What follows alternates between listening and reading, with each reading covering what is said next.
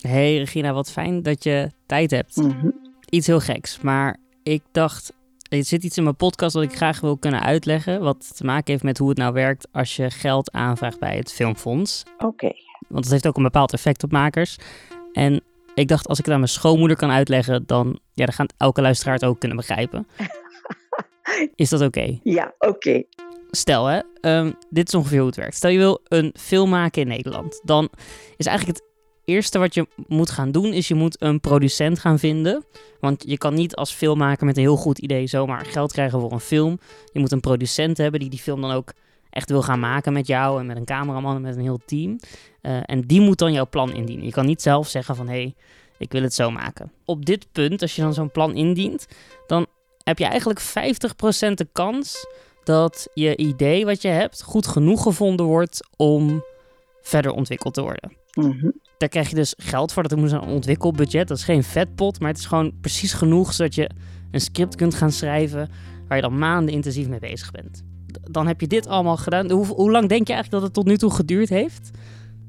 Nou, als ik dit hoor, dan ga ik uit ja, van, van toch wel de, de, de, de bureaucratie en alles. Zou ik zeggen, een maand misschien? Nou, reken eigenlijk maar op, op zeker al wel een jaar. En, en vaak, stel het is je eerste film, dan heb je eigenlijk al 15 jaar lang hierover gedroomd natuurlijk. Mijn god. Mijn god. Maar goed, dan ben je er nog niet. Want nu is het 50% kans. Ehm, dan moet je natuurlijk een, een moodboard gaan, gaan maken. En je moet een, impressie van de, van de film kunnen neerzetten. Je moet een regievisie hebben. Je moet een, een script en een draaiplan. En dat gaat dan allemaal ook weer naar het fonds. En op dit punt, dus als je dit werk allemaal hebt gedaan... Nou, hoeveel plannen denk je dan dat het dat halen? Nou, nou weet je, ik, ik hoop zo voor de mensen die een film willen maken en creatief willen en kunnen zijn. Hoop ik 80%, maar dat zal wel niet. Nee, dus eigenlijk twee derde van de plannen die sneuvelt. Eigenlijk maar een derde, 33,33 procent. Nou ja, je krijgt wel heel veel respect voor al die mensen die toch nog in staat zijn geweest om hele mooie films te produceren. Want als dit allemaal nodig is, mijn god.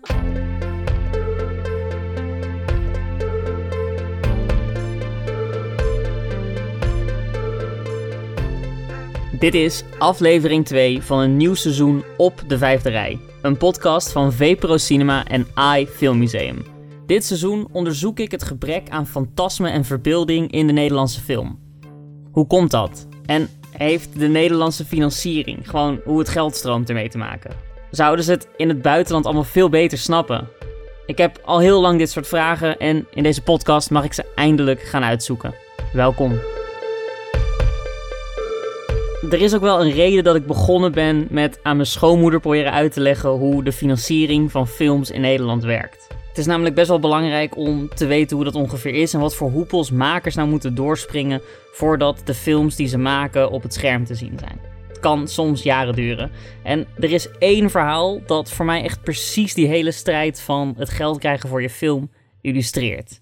Dat is het verhaal van Paul Verhoeven en zijn keiharde polderfilm Spetters uit 1980. Hé, hey, die meid die pak ik hoor. Eerst ik, Hansje. Daarna mag jij een keertje. Ja jongens, ga maar in de rij staan, ik begin. We kunnen moeilijk met z'n drieën tegelijk, hè? Nou, triootje. Lekker modern. Ik krijg hem niet overeind als jullie kijken. Anders ook niet. Paul Verhoeven zijn carrière staat in het teken van oneenigheid met het Filmfonds. En het kan zijn dat je bij dit hele fantastische manifest hebt gedacht: ho even. Er zijn hier fantastische films toch in Nederland?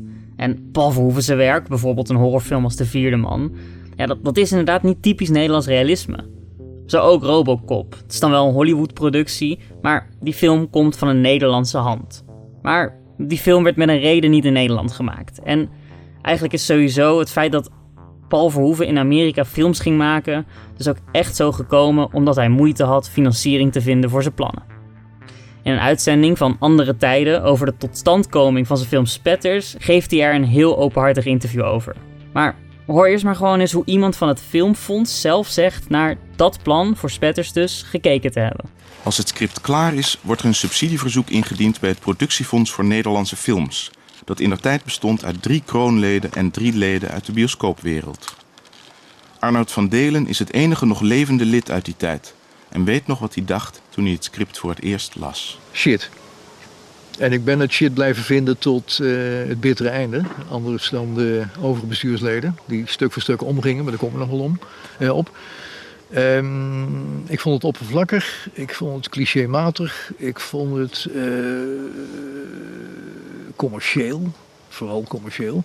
Maar dat had ook te maken natuurlijk met de voorgeschiedenis van de heren Soeterman en Verhoeven. Even later wordt dat nog aangevuld met een verslag van hoe de precieze vergadering waarin Spertus werd afgewezen ging. 18 december 78.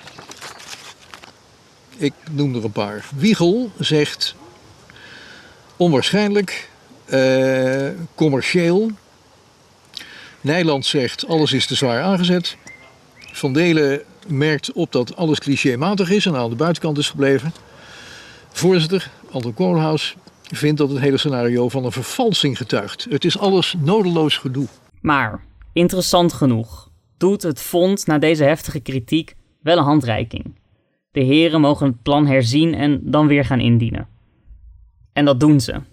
Ze schrijven een versie van Spatters, de meest brute film uit Nederland ooit, waarin elke verkrachting of bloederige vechtpartij veranderd is in engelengezang, hemelse momenten of familiekomische situaties.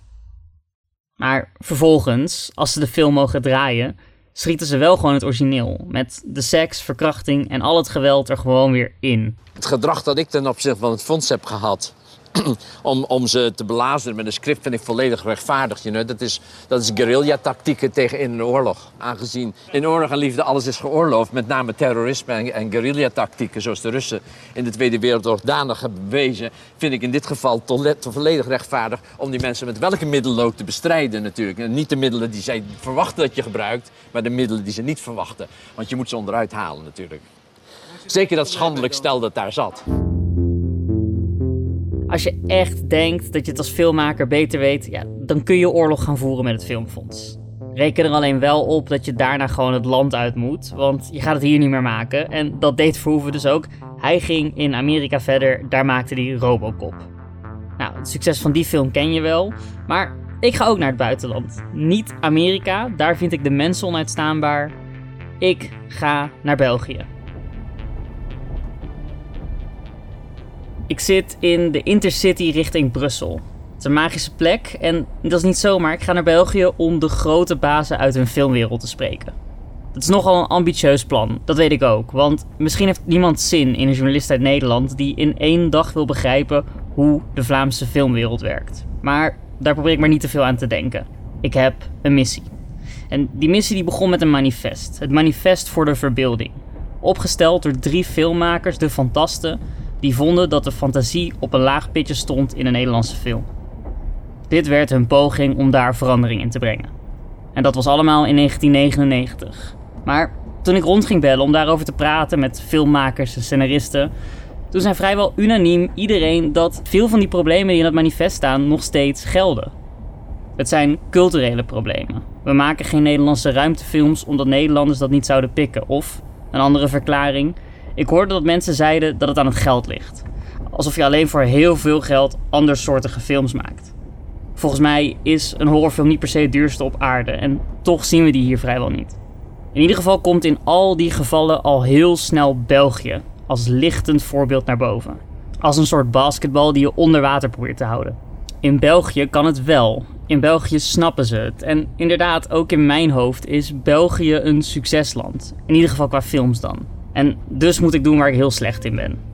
Netwerken met filmbazen, geldschieters en filmsterren. En dat ga ik doen op het Filmfestival van Oostende.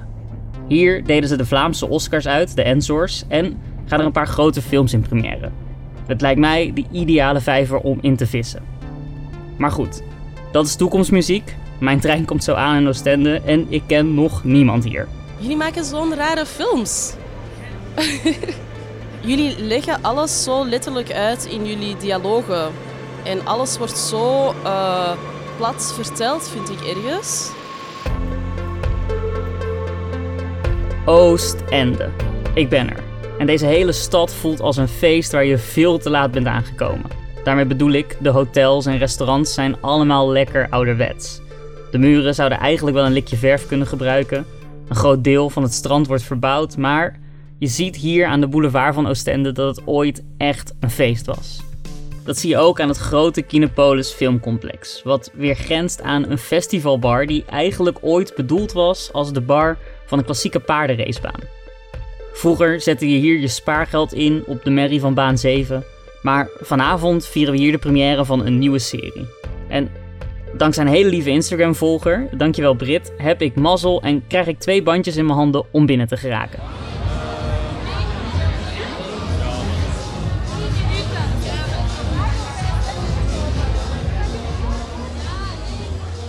Het eerste verschil tussen België en Nederland als filmland valt me meteen al op. De bar is hier gewoon gratis. Dat is nog eens anders dan alleen je eerste drankje.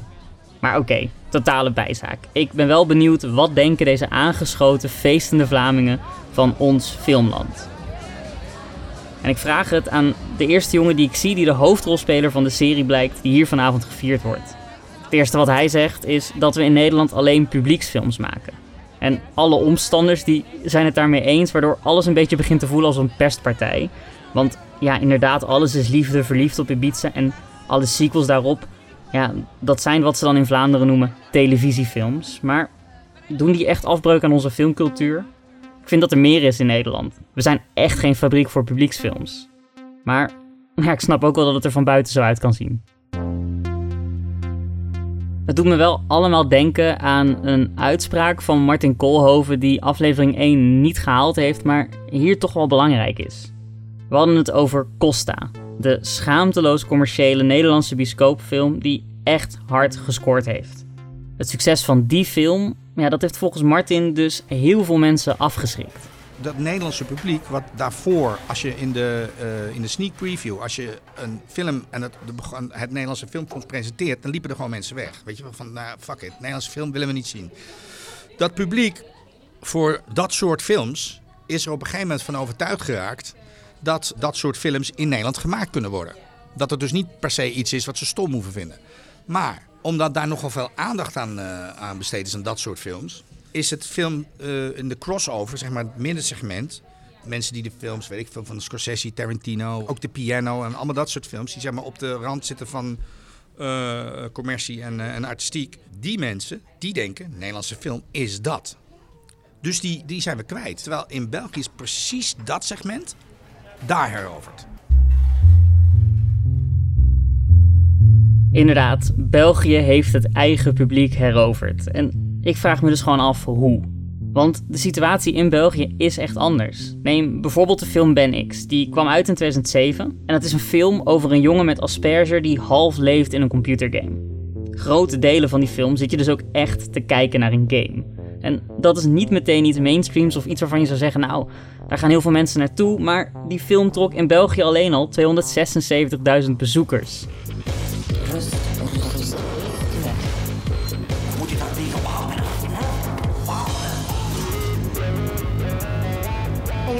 Ze zeggen hebben. Elk einde is een begin. Ben X en het succes van die film is voor mij een aanwijs voorbeeld voor hoe ze hier in Vlaanderen blijkbaar wel kunnen scoren in eigen land. En, en dan ook nog eens met een hele atypische film. Hier in Oostende staat een paneldiscussie over de staat van de industrie op het programma. De grote baas van het VAF, het Vlaams Audiovisueel Fonds, die is er ook. Hij heet Koen van Bokstal en dit wordt mijn kans om hem te spreken. Hij is, ja, dat mag je wel zeggen, een van de belangrijkste mensen als het aankomt op de Vlaamse cinema. Maar nog voordat ik hem spreek, hoor ik iets wat mijn hele perceptie van dit interview gaat veranderen. Filmmaker Frank van Passel die opent het debat door te zeggen dat Vlaanderen als filmland in crisis is. Ik start even met mijn stelling heel in het algemeen. En die is hoog tijd dat de sector en de overheid hun organisatie herdenken samen met het FAF. En een strategie uitrollen die verder reikt dan één beheersovereenkomst. Er is nood aan een nieuwe lange termijnvisie en aan een strategie. We hebben nood aan een nieuwe organisatie. Oké, ja, dit is wel even een uh, game changer. Want ik kom hier helemaal naar België om te kijken hoe het hoort. Maar dan blijkt dus dat er hier een crisis is.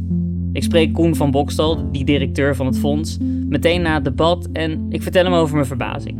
Dit moest toch het beloofde land zijn? Ik denk dat, uh, dat je een onderscheid moet maken tussen langs de ene kant wat je aan de buitenkant ziet. En er is inderdaad heel veel talent en er zijn geweldige titels, denk ik. En, en, en die scoren ook wel op regelmatige basis in kan. Uh, of op andere festivals. Maar jij hebt natuurlijk de realiteit dagdagelijks van, uh, van, van producenten en van regisseurs en scenaristen. En, en, en ook wij als, als, als beleidsmakers, als, als filmfonds, die dan moeten zorgen dat dat allemaal voor elkaar kan komen. Um, en ook in Vlaanderen uh, hebben we natuurlijk te maken met, uh, met de grote wereld. En, en je ziet dat, uh, dat overal in, in Europa men ja, te maken heeft met, met die platformen. Door, door de pandemie die er natuurlijk ook is geweest. Ja, bioscopen die dicht moesten en zo. En de stijgende, de, de, de stijgende budgetten die je nodig hebt om deftige producties te maken. Dat allemaal soort ook bij ons wel, ja, ik, hou niet zo van het woord crisis, maar wel voor grote uitdagingen. Ja. Want hoe kan je dan je creativiteit blijven ontplooien in omstandigheden die toch wel uh, lastiger worden dan ze waren? Mijn moeder zei ook altijd over gelukkige families dat dan achter de deur er toch heel veel ruzie en oneenigheid zou zijn. Ja, ja dat, dat, dat klopt. Ik, ik denk dat jouw moeder een hele wijze vrouw is als ze dat zegt. Natuurlijk, het gras is altijd wel groener bij de buren. En tijdens het debat van de Vlaamse filmmachten leer ik ook dat het in België niet altijd zonneschijn is. Ze moeten elke euro die ze uitgeven eruit laten zien als 2 of 3 euro. Dat hele beeld, wat ik dus ook heb hè, van België als totaal filmparadijs, dat is eigenlijk gebaseerd op een omslag die hier 11 jaar geleden heeft plaatsgevonden. Toen kwam de film Runskop uit, van Michael R. Roskam. En ik weet nog precies hoe dat was. Soms kan het zin dat er in een mensenleven zaken gebeuren, moet dat iedereen stil van buiten. Zo stil, dan iemand nog de wuiver der te klappen. Tegen niemand, nee. Zelfs niet mee tegen zijn eigen. Omdat alles doos blijven steken. Dood diep in de velden, onder de bomen en de bleer, verjoren en joren. Maar dan in een keer is het allemaal terug dood. Bah. In die tijd waren mijn ouders extra aan het betalen voor zo'n filmzender op de digitale tv. En daar zag ik die film voor het eerst. Ik kon serieus mijn ogen niet geloven. Een van de meest brute films die ik ooit zag was gemaakt op nog geen 30 kilometer van waar ik woonde. België. daarna, na Runskop, volgt nog een hele reeks vernieuwende en fantasievolle topfilms. Alleen die golf is eerlijk gezegd de laatste jaren ook wel weer een beetje gaan liggen. Maar feit blijft, Belgische films, zeker de Vlaamse, die draaien wereldwijd. En ook festivals scoren ze goed. Welkom in uw favoriete oord van verderf, jawel. Belgica, hè? Dat niet mijn kont. Oh, een beetje rock and roll. Oh, een beetje rock and roll, een beetje rock and roll. Hier. Fucking café. Wieders in de ark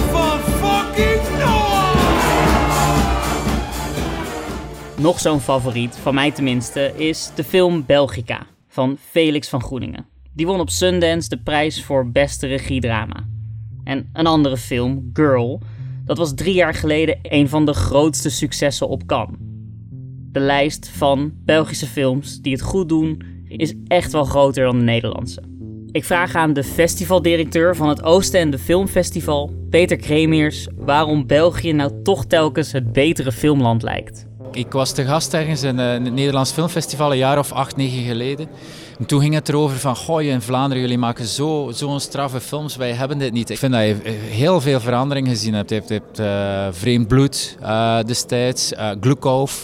Je hebt, je hebt heel veel goede jongere regisseurs, vrouwen ook, die er aankomen. En ik, ik, ik merk echt een verandering. Ik denk dat het ook meespeelt, maar dat ken jij waarschijnlijk beter. Zeg het als ik verkeerd ben, maar jullie hebben wel een veel beter publieksbereik opgebouwd via cultuurhuizen dan wij hebben. Als ik uh, de vergelijking maak met, met Nederland, ik denk dat jullie boven de 100 cultuurhuizen zitten die, die film vertonen. Wij hebben zes of zeven arthouses in, in, in Vlaanderen.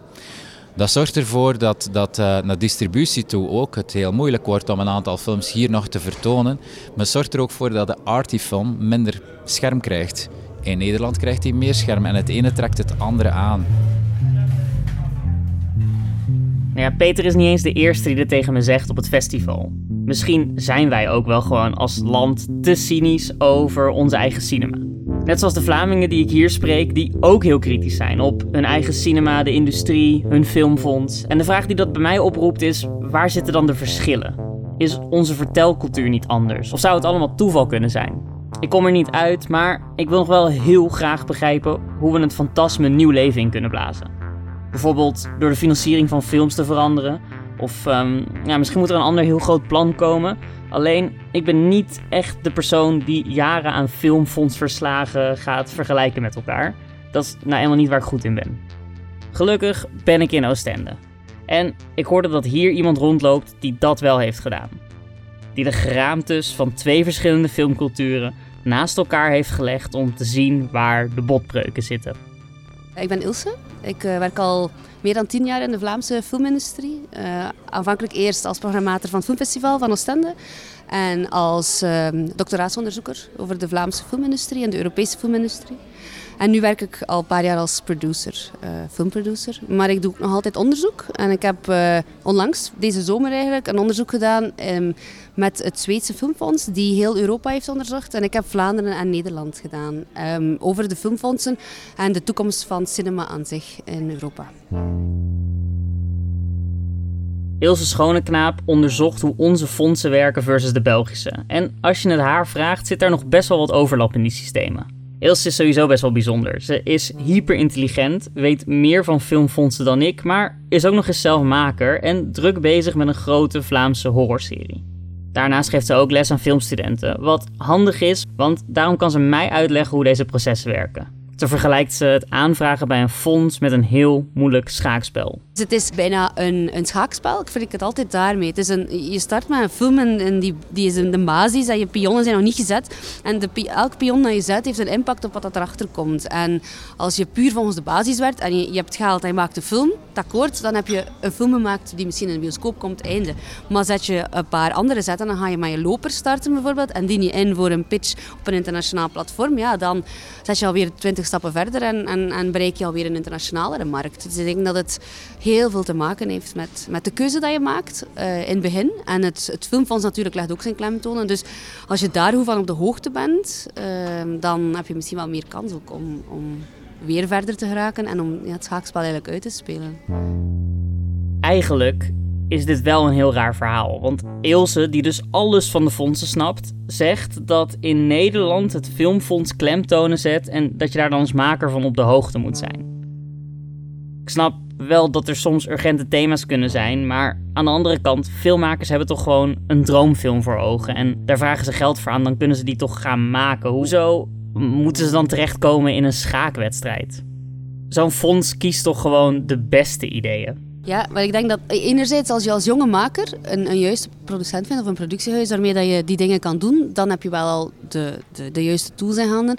Maar het is echt, het is meedoen met het spel. Het is, uh, als je films wil maken die, die uiteindelijk willen gemaakt worden, dan moet je wel meegaan in die rat race van wat dat, wat dat de sector is eigenlijk. En moet je netwerken, moet je meedoen aan al die, die labs, moet je uh, indienen voor dat geld, want anders films maken zonder lukt het bijna niet meer. Als je filmmaker bent en je wieg staat in België of Nederland, dan zul je moeten dealen met het fonds. En daar kan niet iedereen mee uit de voeten. De helft van alle ideeën wordt afgewezen. En van de ideeën die nog wel ontwikkeld mogen worden tot een volwaardig filmplan met een script en alles erop en eraan, daarvan wordt er weer twee derde afgewezen. En dan is er ook nog eens de focus van een fonds. De klemtonen, zo gezegd, van welke films het liefst gemaakt worden. Er is maar zoveel budget. Er zijn wel een aantal onderwerpen die heel nadrukkelijk aan bod komen. En er zijn andere die echt wel als ja, raar en moeilijk worden gezien. We hebben heel grote wielrenners, geschiedenis en cultuur in uh, België slash Vlaanderen. En dat vind ik heel mooi. Dat is prachtig. Maar als ik nog één keer een coureurfilm in de cinemazaal ga zien komen, ga ik echt wel gillen. Van hoeveel coureurfilms en series kunnen we nog maken? Is het nog niet stilletjes aan uitgemolken. Waar we in Nederland kampen met een overschot aan romcoms, ja, daar hebben ze in België dus heel veel films over wielrennen voor. Dat leerde ik van Ines Eschoen, een Vlaamse filmmaker met echt een flinke lijst projecten onder haar naam. Zo won ze een studentenprijs op het Tribeca Filmfestival en schreef regisseerde ze de Vlaamse miniserie The Shock. Die serie gaat over een personal trainer, wat tevens ook nog eens de eerste serie is met een hoofdpersoon van kleur in Vlaanderen. Terwijl ik Ines spreek, leer ik iets over hoe het Filmfonds, en dit is misschien wel echt onbedoeld, maar hoe het Filmfonds het lastig maakt voor makers om echt risico te nemen. Want de kans dat iemand jouw vernieuwende visie deelt, die is eigenlijk best klein natuurlijk. Daarom is je visie immers vernieuwend, omdat die nog niet bestaat. En durf je het onder die condities nog wel aan om je hele ziel en zaligheid in een project te stoppen, of zwak je je ambities op voorhand al af? In de hoop dat dan je plan er wel doorheen komt. Als je iets indient bij, bij een commissie als, als maker, neem je een heel groot risico door heel eigenzinnig jouw ding te gaan doen en niet tegemoet te komen aan die commissie. Waarom? Dan kan het zijn dat je jarenlang iets voorbereidt en dan iets werkt uh, en dat het niet opgepikt wordt. En dat je ook geen geld dus daarvoor gaat krijgen en dat je misschien een jaar of twee jaar van je leven iets hebt ontwikkeld dat er nooit van gaat komen en waar je ook niet voor betaald gaat worden. En ik denk dat dat de reden is waarom dat makers inderdaad in dat spanningsveld zitten van ik ga heel eigenzinnig mijn ding doen. Um, maar dan vertrek je echt vanuit ja, je eigen ik. Of ja, ik ga lezen, ja, wat zoekt die commissie nu juist? Wat, wat willen zij? En dat spanningsveld is er op dit moment wel zeker. Als de fondsen fantastische films nou echt risicovoller vinden, hè? omdat ze bang zijn dat een horror, sci-fi of sprookjesverhaal gewoon niet gaat redden, dan moet er dus een hele stapel zijn van zulke plannen die ergens op een plank blijven liggen. Fantastische filmplannen die niet gemaakt worden. Het lijkt me alleen zo sterk. Is het echt zo dat bepaalde makers veel vaker goedkeuring krijgen en dat het fonds dan niet altijd neutraal is? Daar wist de festivaldirecteur van Oostende, Peter Kremiers, me wat op te vertellen. Hij is sowieso een groot pleitbezorger van de Nederlandse cinema in Vlaanderen. Dit jaar, bijvoorbeeld hier op het festival, is er een groot Alex van Warmerdam retrospectief. Is zo dat de financiering gewoon beperkt is. En dat men eigenlijk, zonder dat men het wil, al zegt van oké, we hebben dit jaar geld voor negen films. Dan mag één zo inzetten, twee zo, drie zo. Dat is, dat is jammer, dat is moeilijk. Maar dat heeft te maken met financiering. Dat we deze morgen in het debat, heb je, heb je dat ook gehoord. Uh, natuurlijk, als Alex in Vlaanderen een nieuwe film zou maken, dan zou hij opnieuw financiering krijgen, omdat hij een signatuur heeft, die heeft notoriëteit. Hij is een kunstenaar, allround kunstenaar, geweten. Hij maakt de film en hij legt kwaliteit klaar, afgeleverd, mooi. Bereikt het publiek, mensen die zeggen, ik wil van Warmerdam zien. Als dan een jonge regisseur dat nu zou moeten doen in die, in dat, in die, in die grote vraag voor ondersteuning, dat zou lastiger worden. En dat heeft gewoon puur te maken met de financiering en ook het de aantal vragen. Ik hoorde van FAF dat er jaarlijks honderden aanvragen zijn. En dan moet men in slates gaan beslissen ja, nee, ja, nee. is verschrikkelijk uh, om, om te doen. Uh, alle, alle scenario's te gronden te lezen, tijd geven aan scenario's om te rijpen. Dat is er dikwijls onvoldoende, maar er is gewoon zoveel aanbod en er is zo weinig middelen dat het moeilijker is. Dat is demotiverend. Er gaat in België, en zo is het in Nederland niet anders, nooit geld zijn voor elke jonge maker of voor elk goed idee. Zeker niet als je en jong bent en ideeën hebt die niet typisch zijn voor het filmaanbod in een land. Fondse-expert Ilse die ziet het ook gebeuren op de filmschool waar ze les geeft. Je merkt wel dat, dat, dat die jonge makers heel, heel, heel frisse kijk hebben op, op film vertellen. En dat, dat je dat nu al, al ziet in de kortfilms die zij maken, dat er, dat er al veel verandering in zit. En ik hoop dat dat wel gaat zijn. Maar daarvoor zeg ik van kijk, die, die, die scholen moeten wel ook dat soort verhalen uh, toelaten om gemaakt te worden. Ook die mensen, dat is ook iets, denk ik iets fout. Dat ik denk van dan moet je een examen doen en dan scoren die misschien 12 op 20, omdat dat net een rare horrorfilm is dat ze als eindwerk hebben gemaakt. En ik denk inderdaad dat het vaak... Het begint bij die leerkrachten. Die moeten ook uitgedaagd worden om die verhalen te kunnen laten vertellen. Um, en het begint zeker bij die makers om het, om het uh, toe te laten. Ik kreeg feedback op aflevering 1. Dat er zo weinig hoop in zit. En ik snap wel hoe dat komt. Al dat inzoomen op de pijnpunten van een systeem is ook best zwartgallig. Wat voor mij begon als een zoektocht naar de opstellers van wel een heel bijzonder filmmanifest, eindigde in deze hele verhandeling over geld en fondsen en bange makers. Maar toch ja, is er ook wel hoop voor mij. En de inspiratie daarvoor die vind ik in België, waar ik wel echt een hele andere wending voor deze reeks krijg. Een manier om het tijd te keren.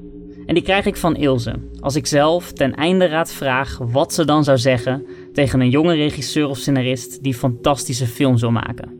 de markt is misschien niet zo opportun voor dat soort films die jij wil maken. Dat is een heel recht door zee antwoord. En het is misschien een antwoord dat veel producenten die eerder op een traditionele manier van films maken zouden antwoorden, die, die op die manier in, in hun carrière staan ook. Maar ik denk dat dat als je als jonge maker net een producent vindt die misschien wel gelooft in, het, in die out-of-the-box films en je daarin wil steunen en je daarin wil naar dat fonds ook dat kader geven en opbouwt, dat, dat, wel, uh, dat het wel kan. Um, ik kan een voorbeeld geven misschien uit, uh, uit Vlaanderen. heb je de gebroeders Schim van...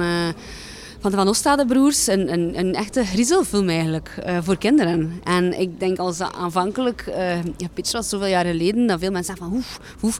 Maar uiteindelijk zijn die blijven volharden en hebben die die film wel degelijk gemaakt. En ik denk dat dat wel een groot onderdeel is. Is iemand hebben die aan je gelooft en die mee dat kader wil omverduwen. Gaat altijd even gemakkelijk zijn? Nee. Ga je lang moeten vechten? Misschien wel. Maar als je net die persoon kan zijn die dan dat kader omwerpt, dan gaan we misschien binnen hier en een jaar weer een film zien die, um, ja, die ook voor kinderen weer een griezelfilm kan zijn en, en die, die nieuwe soort verhalen kan brengen. Dus ik denk dat er veel ligt in, in het um, is een soort van kweekvijver toe te laten en, en mensen letterlijk te, te op te roepen om, om een ander soort genre te maken. Uh, zoals dat Zweden al eens gedaan heeft. Zoals dat ze van Netflix en, en de filmfondsen en zo. Dat, dat is echt letterlijk een specifieke call van kom, dit is wat we gaan doen. Boom. En dan ga je zien dat mensen gaan hun mindset daarover veranderen. Heeft wel gelijk. Er zit heel veel goeds in het stellen van duidelijke doelen. In Nederland heeft Videoland bijvoorbeeld zoiets gedaan. Op die streamingdienst kun je de korte films De Sterfshow Indringer en Verdwenen Dagen zien. Dat zijn drie veelbelovende grounded sci-fi projecten die in 2019 zijn gemaakt na een oproep voor sci-fi films die zich in het alledaagse leven afspelen. Een ander voorbeeld, ik denk dat dat, dat dat in Vlaanderen wel een goed voorbeeld is van die kweekvijver. In corona, uh, weinig reeksen, niet veel gedraaid, uh, iedereen zit thuis. FAF heeft een oproep gedaan samen met de grote eh, zender VRT om webreeksen te maken. Maar om buiten je comfortzone te gaan. En letterlijk te zeggen van, dat zijn de vereisten. Dat, dat soort schrijvers moeten meeschrijven. Er moeten in, in, je, in je dingen de evenwaardige um, diversiteit zitten. En, en voor en achter de schermen. Dus die call hebben ze gedaan. En wat zie je? De vier diverse reeksen die daaruit komen. Een heel ander soort reeks dan dat we ooit al gezien hebben in Vlaanderen. Bijvoorbeeld een ene is Leef, een, korte reeks. Het gaat over een, eh, een jonge begrafenisonderneemster die eigenlijk in dialoog gaat met de, met de doden en dan daarmee danst. En al Dat zijn dingen dat je nog nooit zou gezien hebben. Die dient daar regulier in. Dat volgens mij ging dat daar nooit doorgeraakt zijn. Dus ik denk een kweekvijver. Nog meer dan dat er nu is. En misschien wel tussen de twee landen, denk ik ook hoor. Ik denk dat we daar ook wel veel van elkaar kunnen leren. Dus misschien moet er een aantal um, ja, pioniers zijn terug, zoals dat we vroeger hebben gehad. Uh, moeten er een aantal pioniers zijn die terug ja, die stenen die nog in de weg liggen wegduwen, om dan die markt weer te kunnen openen voor, voor de rest. Uh, en ik denk dat ik heb nu onlangs uh, gezien in Nederland ook. Ik heb dan zo De Kuthoer gehad, die columnist, als horrorfilm. Ik denk dat die ook voor heel veel uh, Nederlandse horrormakers ook alweer was van... Ah, oké, okay, 300.000 kijkers op, uh, op Nederlandse televisie voor een horrorfilm. Ha, er is toch wel degelijk een markt voor. Ik wil niet de cynische podcaststem zijn, maar dit is niet het hele verhaal. De Kuthoer van Ivo van Aert, prachtfilm, toptitel, ik vind hem ook echt heel goed, was een televisiefilm die scoorde. Dat klopt. Maar heeft die film nou echt in de Nederlandse bioscoopzalen gedraaid? Nee. En dat terwijl die in het buitenland op best wel wat grote festivals heeft gedraaid, een heel jaar lang. Als je al die feiten in overweging neemt, dan zijn we echt nog niet waar we moeten zijn. En daarom denk ik, het zou best wel zin hebben om het vuur van het fantasme weer wat nieuw leven in te blazen. En ik ben niet de enige die er zo over denkt. Allee, waarom niet nog eens zo'n manifest doen? Hè? Ik denk in Vlaanderen of in, als in Nederland. Ook om, om eens kenbaar te maken aan een filmfonds of aan zenders van hallo, wij zijn dat soort makers en wij willen dat soort dingen maken. Maar ga naar, een, ga naar de, de NPO gaan pitchen, ga naar VRT gaan pitchen en, je zit tegenover mensen die al 20, 25 jaar in het vak zitten, maar die misschien niet die, die, die genrekennis hebben of die, die nieuw soort manieren van vertellen. Dat eigenlijk Euphoria bijvoorbeeld. Ik denk, dankzij het feit dat je Euphoria hebt in Amerika, gaan we hier in onze zenders, gaan, gaan, gaan de mensen die aan de, de, de knoppen zitten letterlijk denken, ah, we kunnen ook dat soort reeksen maken. Maar again, dan zijn we weer al twee, drie jaar achter op natuurlijk wat dat er uit die Amerikaanse markt komt. Inderdaad, er is een nieuwe manier van vertellen gekomen. En die manier die kun je nu al zien. Ga maar op zoek naar Nederlandse films als De Kuthoer, Revolutie, Captain Nova, Nocturne. Eigenlijk zijn die projecten op zichzelf, in al hun eigenheid en gekheid, dat zijn ook manifesten. Manieren om te tonen dat je met verbeelding wonderlijke films maakt. Als we misschien de, de jongeren zelf zouden kunnen laten zeggen wat dan ze willen maken, dan gaan ze in omgekeerde richting de fondsen en de zenders ook wat meer willen luisteren. Dus ik zou, ik zou iedereen oproepen om terug een manifest voor de verbeelding te schrijven eigenlijk.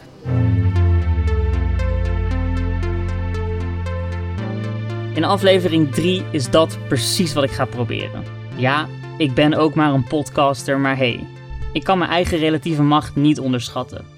Iedereen die ik tot nu toe heb gesproken ziet er best wat in om dat hele fantastische manifest een soort nieuw leven in te blazen. En het is natuurlijk niet aan mij om dat dan te doen, maar ik heb inmiddels wel al die stemmen gesproken en ik ga proberen ze bij elkaar te brengen. Sterker nog, dat is sowieso al wat deze podcast langzaamaan geworden is. En in aflevering 3 ga ik er daarom maar werk van maken. Ik ga langs bij de Filmacademie, spreek daar dan de jonge talenten over hun wensen. En ik ga ook de makers van nu spreken, die carrière maken en dus het misschien wel voor het zeggen gaan krijgen. Want de uiteindelijke vraag moet zijn: wat is er nodig om een revolutie te starten?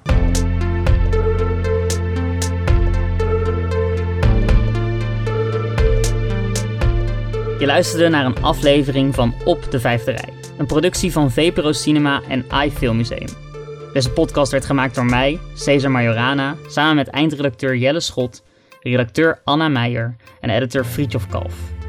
Hier volgt een dankwoord en dat is voor Lisette Ruitenberg, Mila Slingeman, Ronald Simons, Tibor Dekker en natuurlijk iedereen die ik voor deze aflevering sprak en interviewde, in specifiek ook nog VPRO Flowerboy die me wees op de andere tijden documentaire over spetters. De soundtrack die je nu op de achtergrond hoort is van Julius Jongsma. En wil je meer zien van de fantasten? Dan kan dat. Onder andere het oude manifest of de gearchiveerde website kun je allemaal vinden op vprogids.nl. Dat is vprogids.nl slash op de vijfde rij. Uitgeschreven, dus niet vijf met het getal. Dat was hem. Bedankt voor het luisteren.